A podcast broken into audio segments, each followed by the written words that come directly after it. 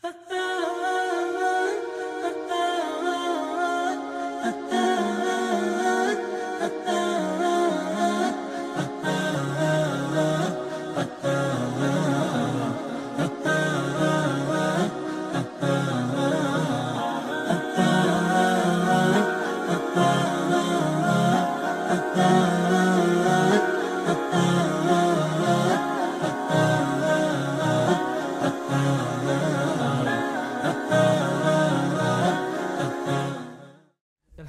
rabbil alemin, wassalatu wassalamu ala rasulillah. Treće predavanje, možda i najobimnije predavanje u ovom serijalu, tako da moramo biti ekspeditivni, konstruktivni, malo pričat, malo nasmijavat, a više zapisivat. Nakon što smo spomenuli propise koji se vezuju za prosidbu, greške koje se čine prije braka, onda dolazi nekim, hajde da kažemo, hronološkim redom, dolazi do sklapanja braka. Kako ispravno sklopiti šerijetski brak? Prva stvar, islamski učenjaci o tome govori, a mi ćemo to skratiti skroz.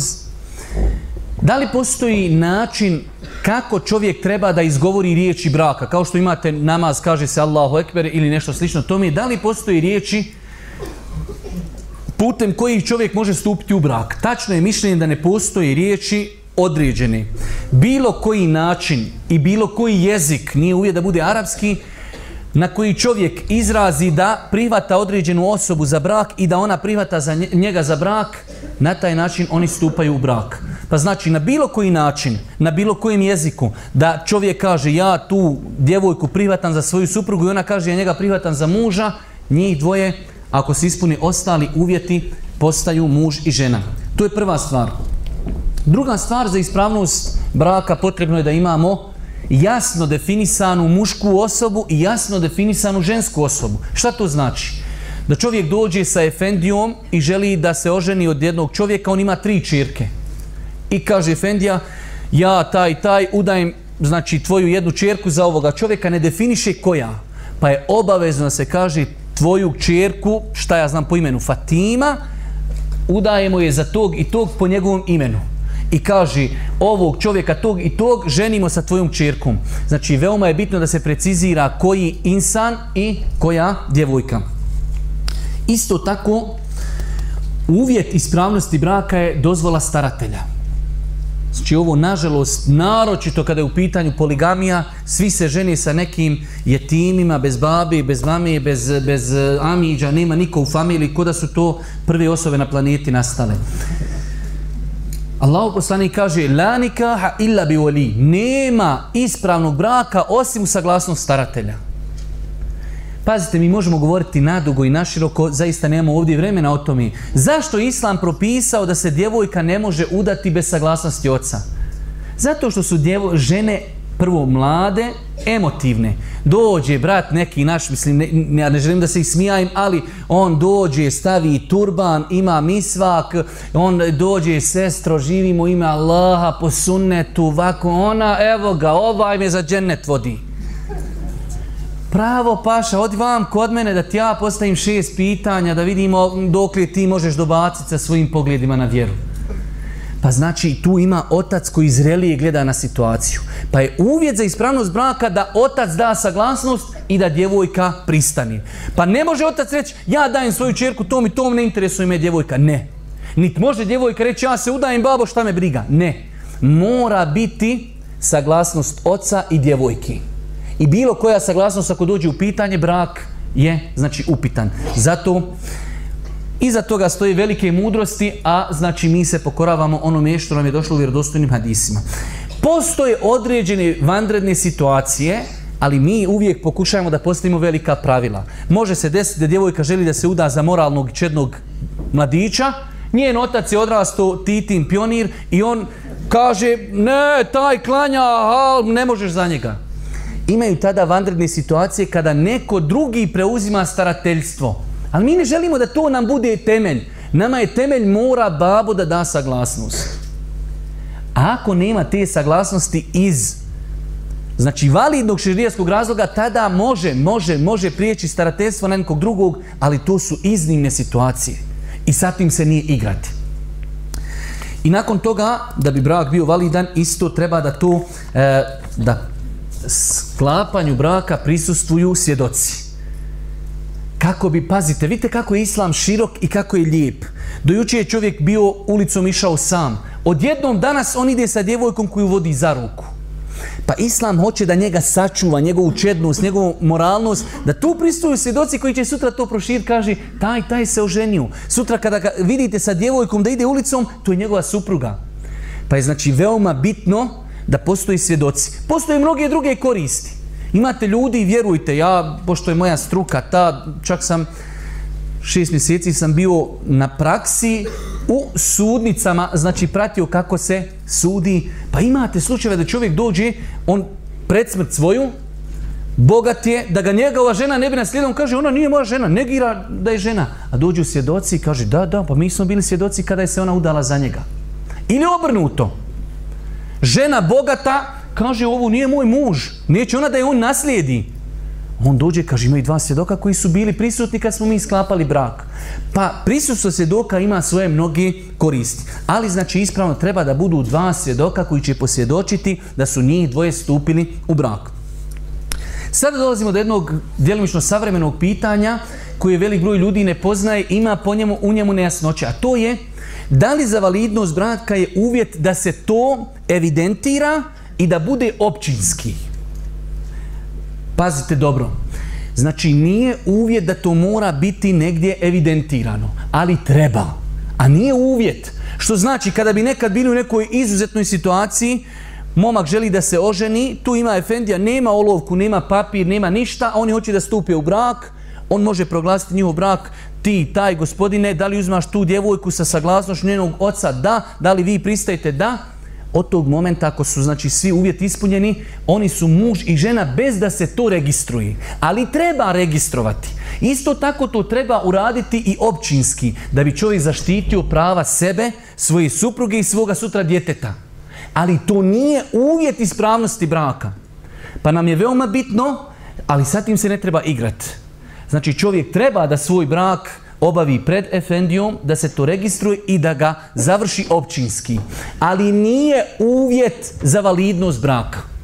Nažalost, velik broj ljudi ove e, činjenice ne poznaje. Kada je u pitanju vjenčanje, sunnet je prilikom vjenčanja da vjenčanje bude razglašeno. Jer rekli smo, Islam želi da sačuva moral i čednost te dvije osobe. Djevojka čitav život išla sama ulicom. Odjednom je drži neki muškarac za ruku. Pa kako bi se sačuvala njena čast, znači sunnet je da se razglasi vjenčanje, kaže danas se vjenča i ta, i ta osoba sa tom i tom osobom, da ljudi znaju. Isto tako, sunnet je da se organizuje svadba, o čemu ćemo govoriti detaljno. Sunnet je, kao što je došlo u hadisu Božeg poslanika, da se nakon vjenčanja za mladince prouči dova Barakallahu lekuma wa baraka alejkuma wa džema'a bejnekuma fil hajr. Dobro, Nakon što osobe stupe u brak, pa makar to bio onaj brak koji nije zabilježen na papir, iako, pazite, rekao sam, ne treba se sa tim igrati, ali da se desi da u datom datu momentu Efendija sklopi brak kojeg nije zapisao, nije nigdje potpisano, ali riječima ispunjeno sve, šta proizilazi iz tog braka? Proizilazi prva stvar, dopuštenost intimnog kontakta i osamljivanja. Znači, ako dođe čovjek i kaže koji je kompetentan, e, ajde da kažemo, desi se vjenčanje koje nije zapisano na papir, bez obzira što to nije zapisano na papir, oni od tog momenta postaju legitimni muž i žena, samim tim je dozvoljeno da imaju intimni kontakt, da se osamljuju i normalno e, kada je u pitanju dodir isto tako. Od tog momenta kada se prvi put osame njih dvoje negdje, mužu je obaveza da isplati mehr. Mehr, znači vjenčani dar, počinje njegova obaveza da odbraja od momenta kad se njih dvoje osami. Znači muž i žena su sklopili brak i odvojili se u neku sobu. Od tog momenta on ima na, na leđima jedan novi dug koji se zove mehržen. Da li je to 1005 ili 10.000 maraka, on od tada postaje njemu obaveza da to svoju supruzi u narednom periodu isplati. Isto tako, mogu da se uzmu sada, od istog momenta počinje međusobno nasljeđivanje. Veli gru ljudi ne zna, ono konta, u nas u većini slučajeva imetak je zajednički, ali imate slučajeva u određenim podnebljima gdje žena milionir, žena milijardir ili muž, danas da su se uzijeli sutra neko od njih dvoje preseli, jedno drugo nasljeđuju. Samo živjeli jedan dan. On bio neki džoker, uplatio ekstra, oženio neku milionirku i ona sutra umrla. On dobija sad, šta će mu do... Ali dobit će. Samo jedan dan, pravu neki sretan. Ali u islamu znači nakon sklapanja braka i ona njega nasljeđuje i on ju nasljeđuje. I zadnja stvar, postaju obaveze, znači obostrani, vidjet ćemo oče, o tome ćemo inšala govoriti, muž, sve one njegove obaveze prema ženi od tada počinju i ženine obaveze prema mužu od tada počinju. Dobro. Dobro. Nakon što se desilo vjenčanje, logično je dolazimo do svadbi. Kada islamski učinjaci govori o svadbi, oni nju svrstavaju u poglavlje običajnog prava. Pa znači, šerijat nije precizirao kako ćeš organizirati svadbu. To je običaj. Uradi kako hoćeš, samo nemoj nikakav haram uraditi. Pa znači, neko kaže ja bi da bi bude svadba u restoranu, može. Neko kaže ja bi na stadionu, može. Neko kaže ja bi u kući, može. Neko kaže ja bi na otvorenom, može. Znači šerijat ti nije precizirao kako, ali ti je precizirao šta ne smije tu da bude. Pa znači, stvari koje su kod nas najviše zastupljene, a bilo koja druga zabranjena stvar, ne treba da bude tu. Ne treba tu da bude muzike, ne treba da bude alkohola i svih drugih opojnih pića kao droga, nargila, ne treba da bude svakako duhana, ne treba da bude miješanje muškaraca i žena. Pa kakva će tuđe nazad ćemo da biti, to nije svadba čoveče. Nema muzike, Božnje, ne zna bez muzike ništa, Allahu sve višnje. To je netačno. Nažalost, mi smo narod koji se ne zna veseliti osim kad potegnemo do pola flaše i dođemo i kad nam zasvira. A kad vidite u normalnim nekim uvjetima, mi sad kad je bio zadnji Bajram, Pa mene še Hafiz Adna Mrkunć pozvao da dole biće Bajramsko sjelo i ući će ovi momci iz Beograda i Lahije i Kaside i eto ja ću neki, neki ders predavanje održati. Mene ljudi zovu, pa zar i ti popustio, i ti ideš na ta sjela? Haloba ljudi, reko nema muzike, nema ništa. Ljudi ne mogu da shvate da ima Bajramsko sjelo bez muzike. Mi smo takvi, svadba bez muzike, pa to je dženaza, još ođu, dovedi Allah, ekvir, mejta kakvog, pa, pa nemoj je toga. Pa znači bitno je da nema harama, a to nađi ti nekoga ko će lijepo zapjevati bez muzike, ilahije, kaside, sevdalinke, uopšte to šerijat nije zabranio. Da neko napravi lijep, znači ambijent, to nije isključeno. To što mi ne znamo, to je opet druga stvar. Znači vraćamo se na početak.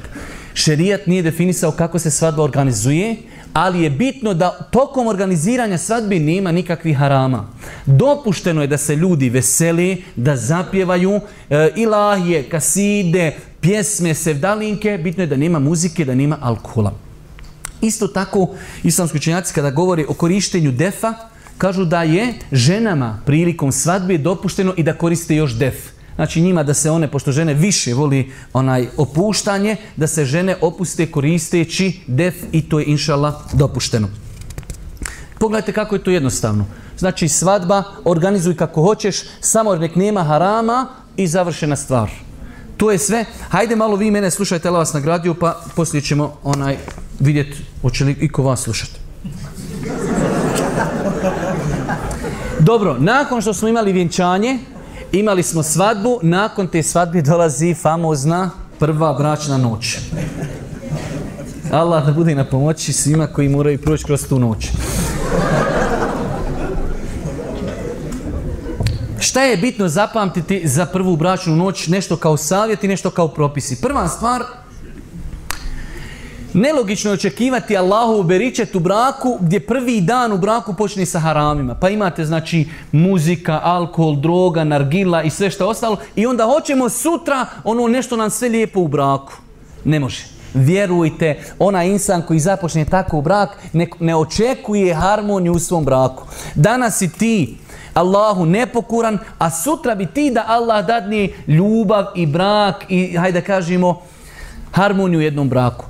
Pa prva stvar, čovjek treba da počne svoj graditi brak na ispravnim temeljima. To je jedna stvar. Druga stvar, vidjeli ste, čovjek želi da, ajde da kažemo, nauči kako se vozi auto. Moraš uzeti one testove, pročitati teoriju. Pa nakon toga dolazi praksa. Isto tako, insan prije nastupanja prve brašne noći trebao bi iz islamske literature, pazite, da nauči šta mu je dopušteno, šta mu je zabranjeno u toj noći opet kažemo, ista je stvar, šerijat nije čovjeku precizirao kako će provesti prvu bračnu noć. Ali imaju stvari koje su dopuštene, imaju stvari koje su zabranjene. Isto tako, tu noć po, uh, početi sa dovom Allahu Đelešanhu, imaju neke dove prenesene, ali u svakom slučaju da čovjek i u tim momentima ne zaboravi na svoga gospodara i da započne, uh, hajde da kažemo, svoje bračno putovanje sa dovom Allahu Đelešanhu da podari u tom braku beričet. Nakon toga, jedna savjet braći muškarcima prvenstveno. Možda bi se moglo desiti za muškarce, ali većenja njima je savjet. Da uvažavaju, da uvažavaju osjećaje suprugi i njen strah koji je mnogo veći nego strah muškarca. Šta to znači?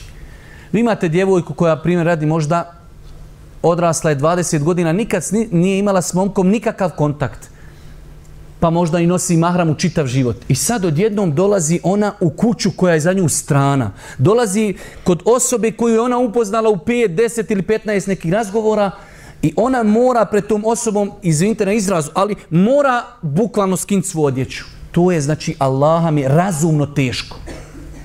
E, imate sad ljudi, pošto on 20 godina čeka da se oženi, on je ko, ko ninja kornjača. On samo jedva čeka kad će to doći vrijeme. On bi ženu ovako lefektore upalio, hajmo ženo sad cirkus. Smiješno, a da vam ja reknim da ima slučajeva i fetava gdje žena kad je muž na neispravan način od nje te stvari zahtjeva da žena odi da mu se nikad više ne vrati i ne bi vjerovali. Imate žena koja doživi šok. Muž od nje traži neke stvari, daj lefektore, daj skidaj se, daj vako, daj nako, žena se obuče i ode i traži razvod braka, kaže ne mogu. Pa je, znači, e, potrebno da muškarac uvaži taj, nazovimo ga, strah i to je normalna stvar.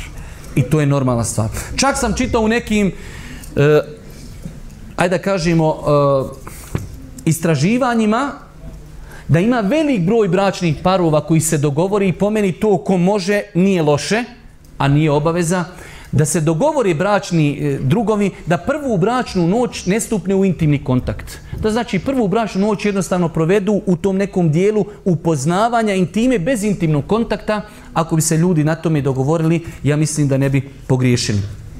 Isto tako čovjek treba da zna da samo su dvije stvari u pogledu konkretnog intimnog odnosa zabranjena, a to je znači općenju analni otvor i intimni odnos u periodu mjesečnice. Svakako kad se pravi tam kalendar nekih svadbi, najbitnija je stvar da žena pazi kad ima mjesečni ciklus, da im se ne potrafi baš tada, jer im može baš napraviti belaj.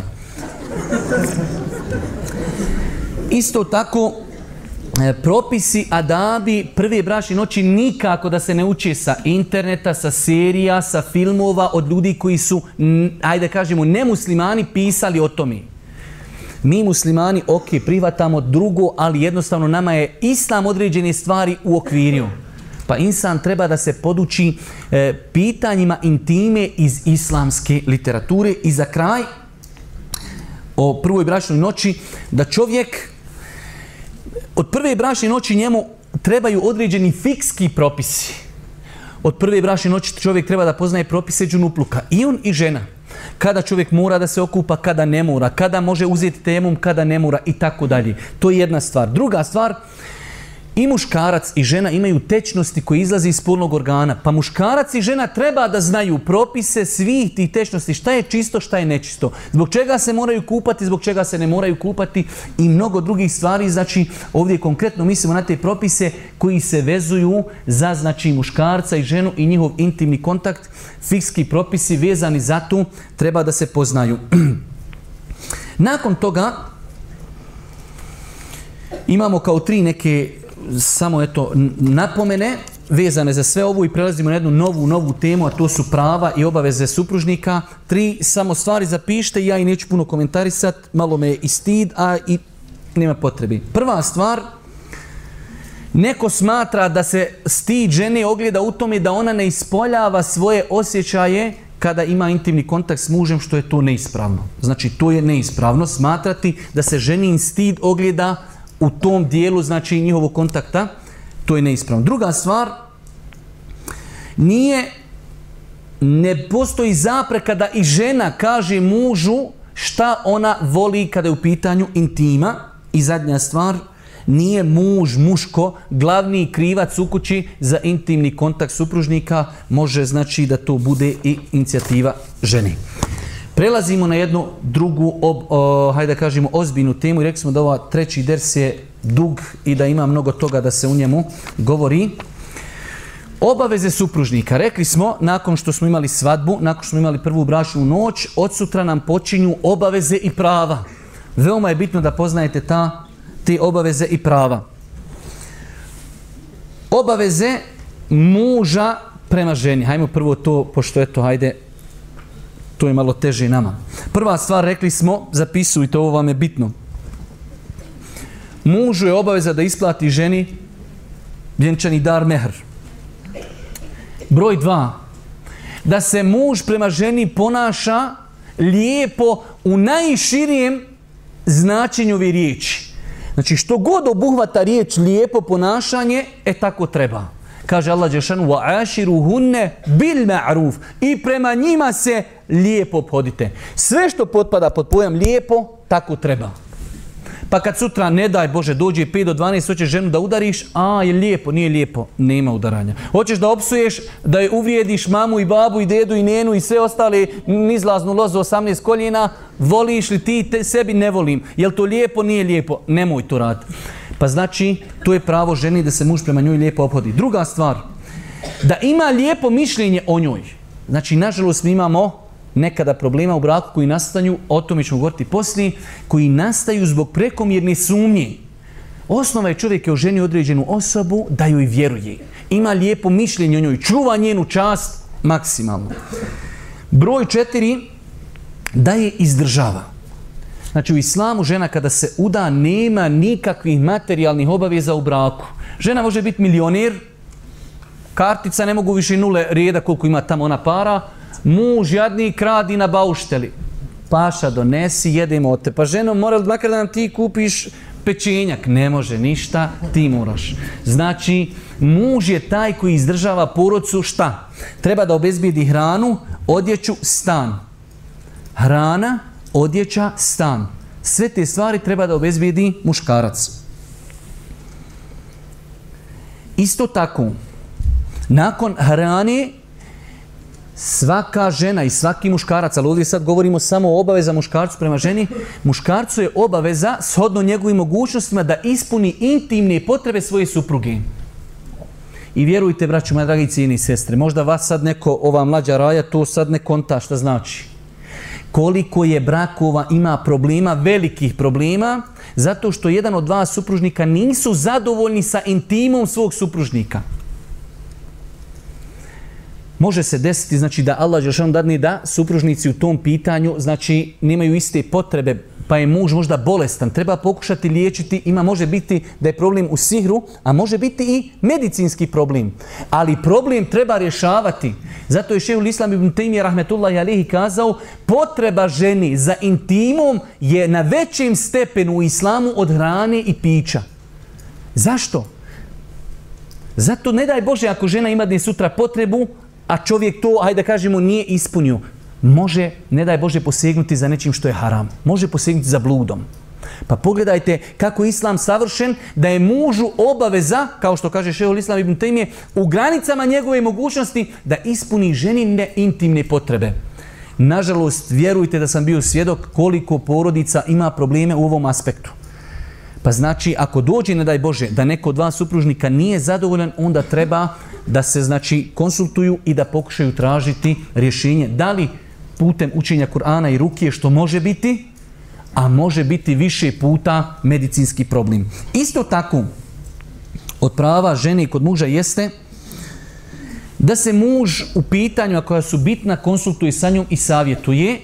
Allahu poslanik je u velikim pitanjima pitao svoje supruge, kao što je bilo pitanje na Hudejbi, i prihvatio njihovo mišljenje. Pa znači i žena kada živi u jednoj kući ima pravo da bude pitana i da da svoje mišljenje i da se po njenom mišljenju radi. Isto tako, ako žena je se udala, a nije podučila se propisima vjere koji su joj svakodnevno potrebni, muž treba da joj obezbijedi mogućnost da se poduči propisima vjeri.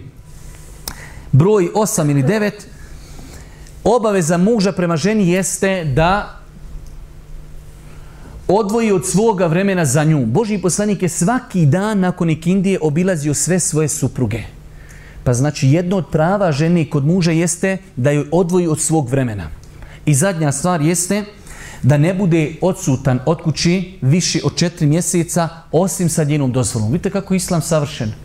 Čovjek hoće da ide negdje da radi, ali će biti više od četiri mjeseca. Ne može osim ako mu žena dozvoli.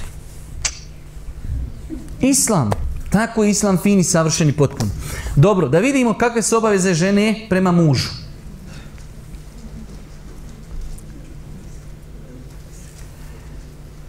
Obostrano je ovdje, ali evo počinjemo tu, znači kod žena, ali obostrano da supružnici spoznaju mjesto svoga supružnika kod njega. Allahu poslani kaže muškarcima, najbolji među vama su najbolji prema ženama. Znači u nas u islamu hoćeš da se natječeš, da dokažeš si najbolji, da si najveći mrga, da si najnabildaniji. Znaš gdje se natječeš? Teretana koja se zove kuća. Tu, znači, hoćeš da vidiš koliko vrijediš, kaže, imaš zeleno svjetlo da na internetu pišeš o meni ko sam i šta sam. Jadan ti kruho, vidio bi šta bi tu bilo belaja. Znači, taj moment je veoma bitan da čovjek znači spozna mjesto svoje ženi. Hoćeš da dokaže da si najbolji, onda se trebaš dokazati kod supruge. A Boži poslanik kaže s druge strane, uvijek je islam balans. Kaže da sam ikom naredio da učini seđdu nekome od stvorinja mimo Allahu, naredio bi ženi da učini seđdu svome mužu. Koliko je pravo muža kod ženi. Ali obostrano.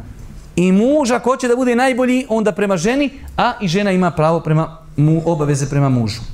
Isto tako, vidjeli ste kako je Islam učinio ženu da sjedi kod kući, da uživa, muž se pati.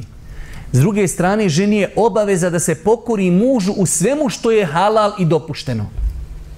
Znači, osnova, to je veliko pitanje. Pazite sad, ja ću vam kazati jedno danas savjet. Nemojte sebi dozvoliti da sutra uh, uzmete svog supružnika i kaže, eh, pes će rekao, tebi ovo obaveza, ovo je meni obaveza. To je dobro da poznajete, ali mora biti tu tolerantnosti. Tako i muž. Meni jedne prilike jedna sestra pita, kaže, muž od mene traži, insistira da kad mi sestre dođu u posjetu, da moram nositi nahramu. Moram li ga poslušati? Rekao, moraš. Jer je to halal. Sve što traži halal od tebe moraš ga poslušati. Ali rekao, ja ne podržajem njega što on to od tebe traži. Zašto da nosiš mahramu kad ti žene dođi? Ako su same žene, da žena pred njima bude bez mahrami. Ali je pravilo, sve što je halal, ako muž traži od svoje supruge, treba da ga pokuša znači, poslušati, ali ako budemo gonili svoj život, ovo je tebi obaveza, ovo je meni vađib, onda tu može biti život suhoparan. paran. Pa treba da bude tolerantnosti od strane muškarca i od ženi. Da, ovo su velika pravila od kojih mi ne odustajemo, ali ima tu i treba da bude tolerantnosti. Pa muž zakaza u određenom momentu, pa žena zakazala i tako da se te stvari balansiraju. Isto tako, poznato ono pravilo i svi ga znate, i muški i ženski, Mm, žena ima obavezu da se odazove mužu kada je pozove u postelju, osim ako ima zato validan šerijetski razlog, kao što je bolest, mjesečnica ili nešto drugo. Isto tako, obaveza žene prema mužu jeste da bude povjerljiva prema njemu, da čuva njegov imetak, da čuva njegovu kuću, da čuva njegovu djecu. Imate, znači, situacija kada žena jednostavno u odsustu svoga muža ne pazi njegovu kuću, ne pazi njegovu djecu, ne pazi njegov imetak. Isto tako u islamu, a možemo mi to mnogo i dokučiti, koristi, žena ako želi da iziđe iz kuće, treba da zato traži saglasnost svog muža. Neko će kazati što je islam komplikovan i težak. Dobro, zamislimo situaciju, došao čovjek sa posla, bio na bauštil cijeli dan, nabacio, dođe u kuću, nema ženi. Ne zna gdje je, ne zna šta je možda je neko kidnapovo, možda otišla, možda ovdje, možda ondje. Ali kad žena kaže mužu, ja, ti ćeš doći utri s posla, ja ću pola tri trebam otići kupiti podmiru. Je li okej? Okay? Jest. Znači, pa Islam čuva sve ono što bi moglo dovesti do problema.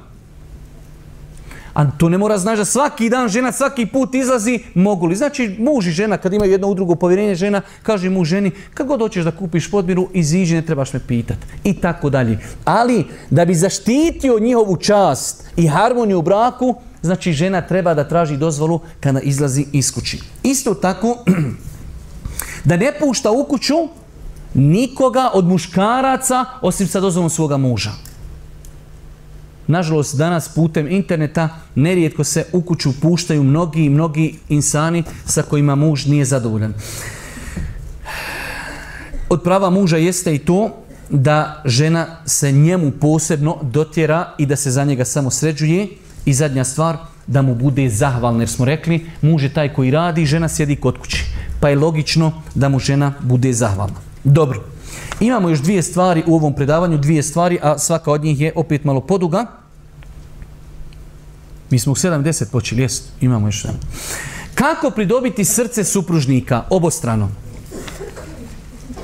Ovo pišite, ovo vam je veoma bitno. Prva stvar, bogobojaznost.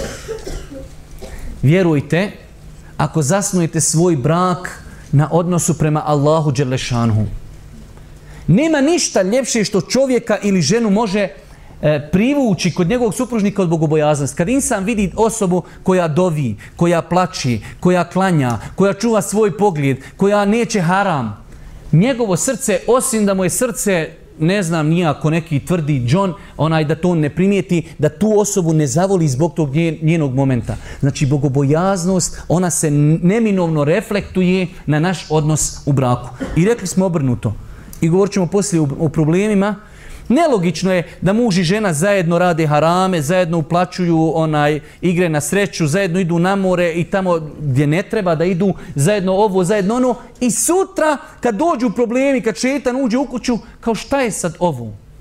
Ne možemo očekivati Allahu beričet u kući u kojoj nema meleka, u kući u kojoj neprestano šetan vodi kolo svoje. Pa znači početi naš, znači kako pridobiti srce supružnika, našim iskrenim odnosom prema Allahu. Broj dva,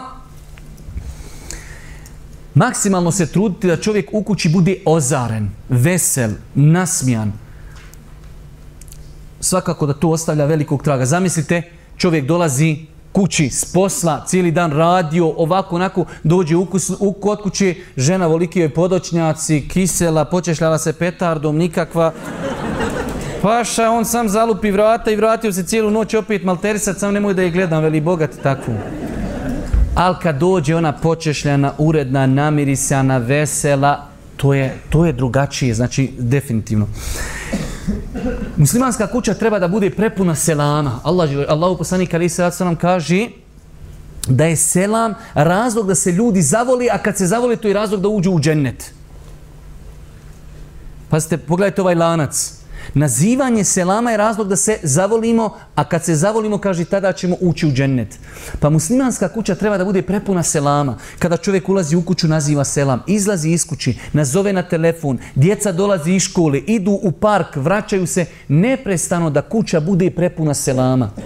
Nažalost, kod nas primjera radi, e, ljudi ne znaju da je sunnet nazvati selam prilikom izlaska iz kuće. Kada se prekini razgovor, znači čovjek razgovarao s osobom, na početku kaže selamu alaikum, na kraju opet kaže selamu alaikum. Velik broj ljudi to kod nas ne zna. Pa oživljavati sunnet nazivanja selama u kući. U kojoj kući ima selama, tu ima rahmeta, tu ima milosti i tu ima sreći. Isto tako, pridobiti ljudsko srce supružnika poklonom da muž uvede sebi s vremena na vrijeme praksu da svoj supruzi nešto kupi i obrnuto. Naročito ako znamo da nešto određena osoba priželjkuje, da voli, da čeka i tako dalje. Poklon se ne gleda u njegovu vrijednost, već se gleda u znak pažnji. Pa znači da čovjek u hefti dana, u deset dana kupi supruzi čokoladu, žena njemu kupi neku košulju, miris, parfem, nešto, ali jednostavno da da znači pokažu jedno drugom da o njemu misli. Znači, čovjek je bio na poslu, vraća se umoran, teško mu, nosi toj svojoj supruzi. Iako takav umoran, on nju na nju nije zaboravio. Nosi joj čokoladu na kojoj piše samo ti. Ja, rab.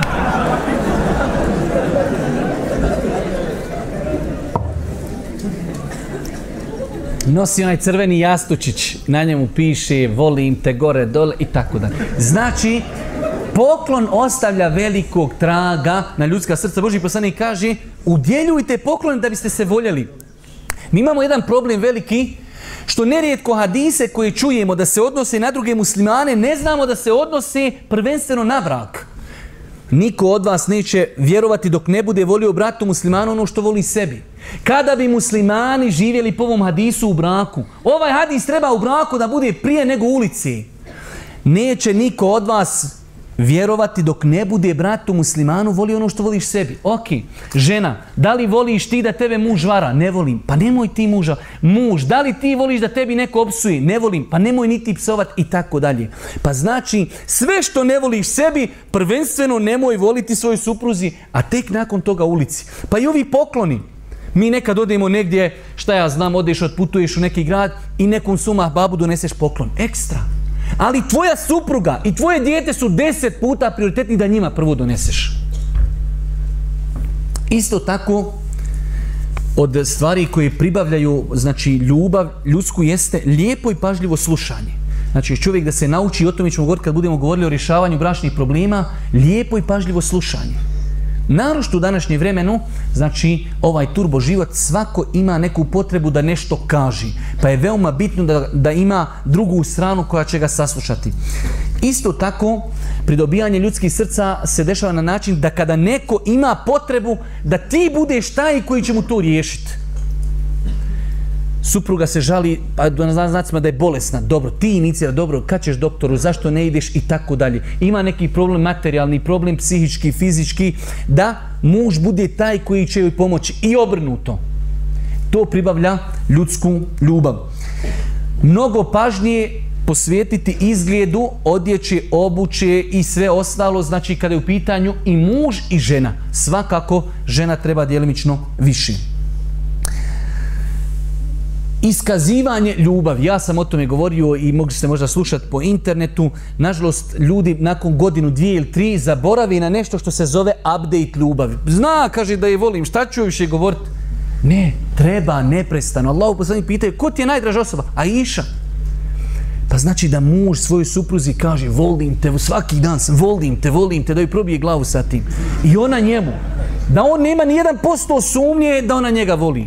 Znači, I to je lijepa stvar. I na kraju, kako pridobiti ljudsku, uh, ljudsko srce i pažnju? Arapi to zovu mudarat. Ja to ne znam prevesti na bosanski, ali nešto ko neka pronicljivost, ali u našoj imenom žargoru, nekad se malo pravi budala. Znači, jednostavno imate neke stvari koje čovjek, da bi pridobio ljudsku, znači pažnju i srce, ne treba na sve da obraća pažnju. Malo nešto, kažu Arapi, je te malo se praviš da nešto ne vidiš. Pa desilo se nešto, malo ti se okreni ko gledaš kroz prozor, nisi vidio da je se to desilo. Ako insan sve vidi što se dešava, onda je pitanje koliko će tako dugo izdržati. Pa znači i da se insan djelimično jednostavno neke stvari, hajde da kažemo, kao da ih nije vidio. Za kraj ovog predavanja, sunnet i mi živimo naš život pokušajmo neprestano u, u okviriti u sunet Božijeg poslanika, ali salatu veselam, da vidimo Božijeg poslanika kao muža. Samo 7-8 naslova i time pre, završajmo predavanje. Iako bi ovo trebao da bude kompletan ders, Božiji poslanik kao muž. Prva stvar, volio je svoje supruge i o tome ih je obavještavu. Pa onaj ko hoće da slijedi sunnet, treba da voli svoju suprugu i da ih obavijesti o tome. Isto tako, bio je blag i šalio se sa njima. Boži poslanik kaže nikada nije blagost bila u nečemu da to nije uljepšala, a nik uljepšala, a nikada blagost nije izuzeta išću pa iz nečega da to nije unakazila. Pa insan treba da bude blag sa svojom porodcom i da se zna našaliti. Boži poslanik ali se latu selam, znači imate mnogo primjera da se šalio sa svojim suprugama. Isto tako, Boži poslanik nije mu bilo teško, pomagao je u kućnim poslovima.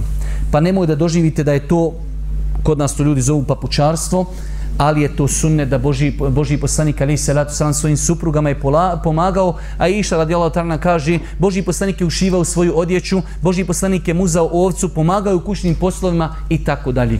Pa znači, svakako, pomagao, nije on sve radio. Nerijetko neko ove hadise citira, pa sad čovo, žena će sjecantići, a Iša je rekla poslanike, hajmo, pomagao, nije sve radio.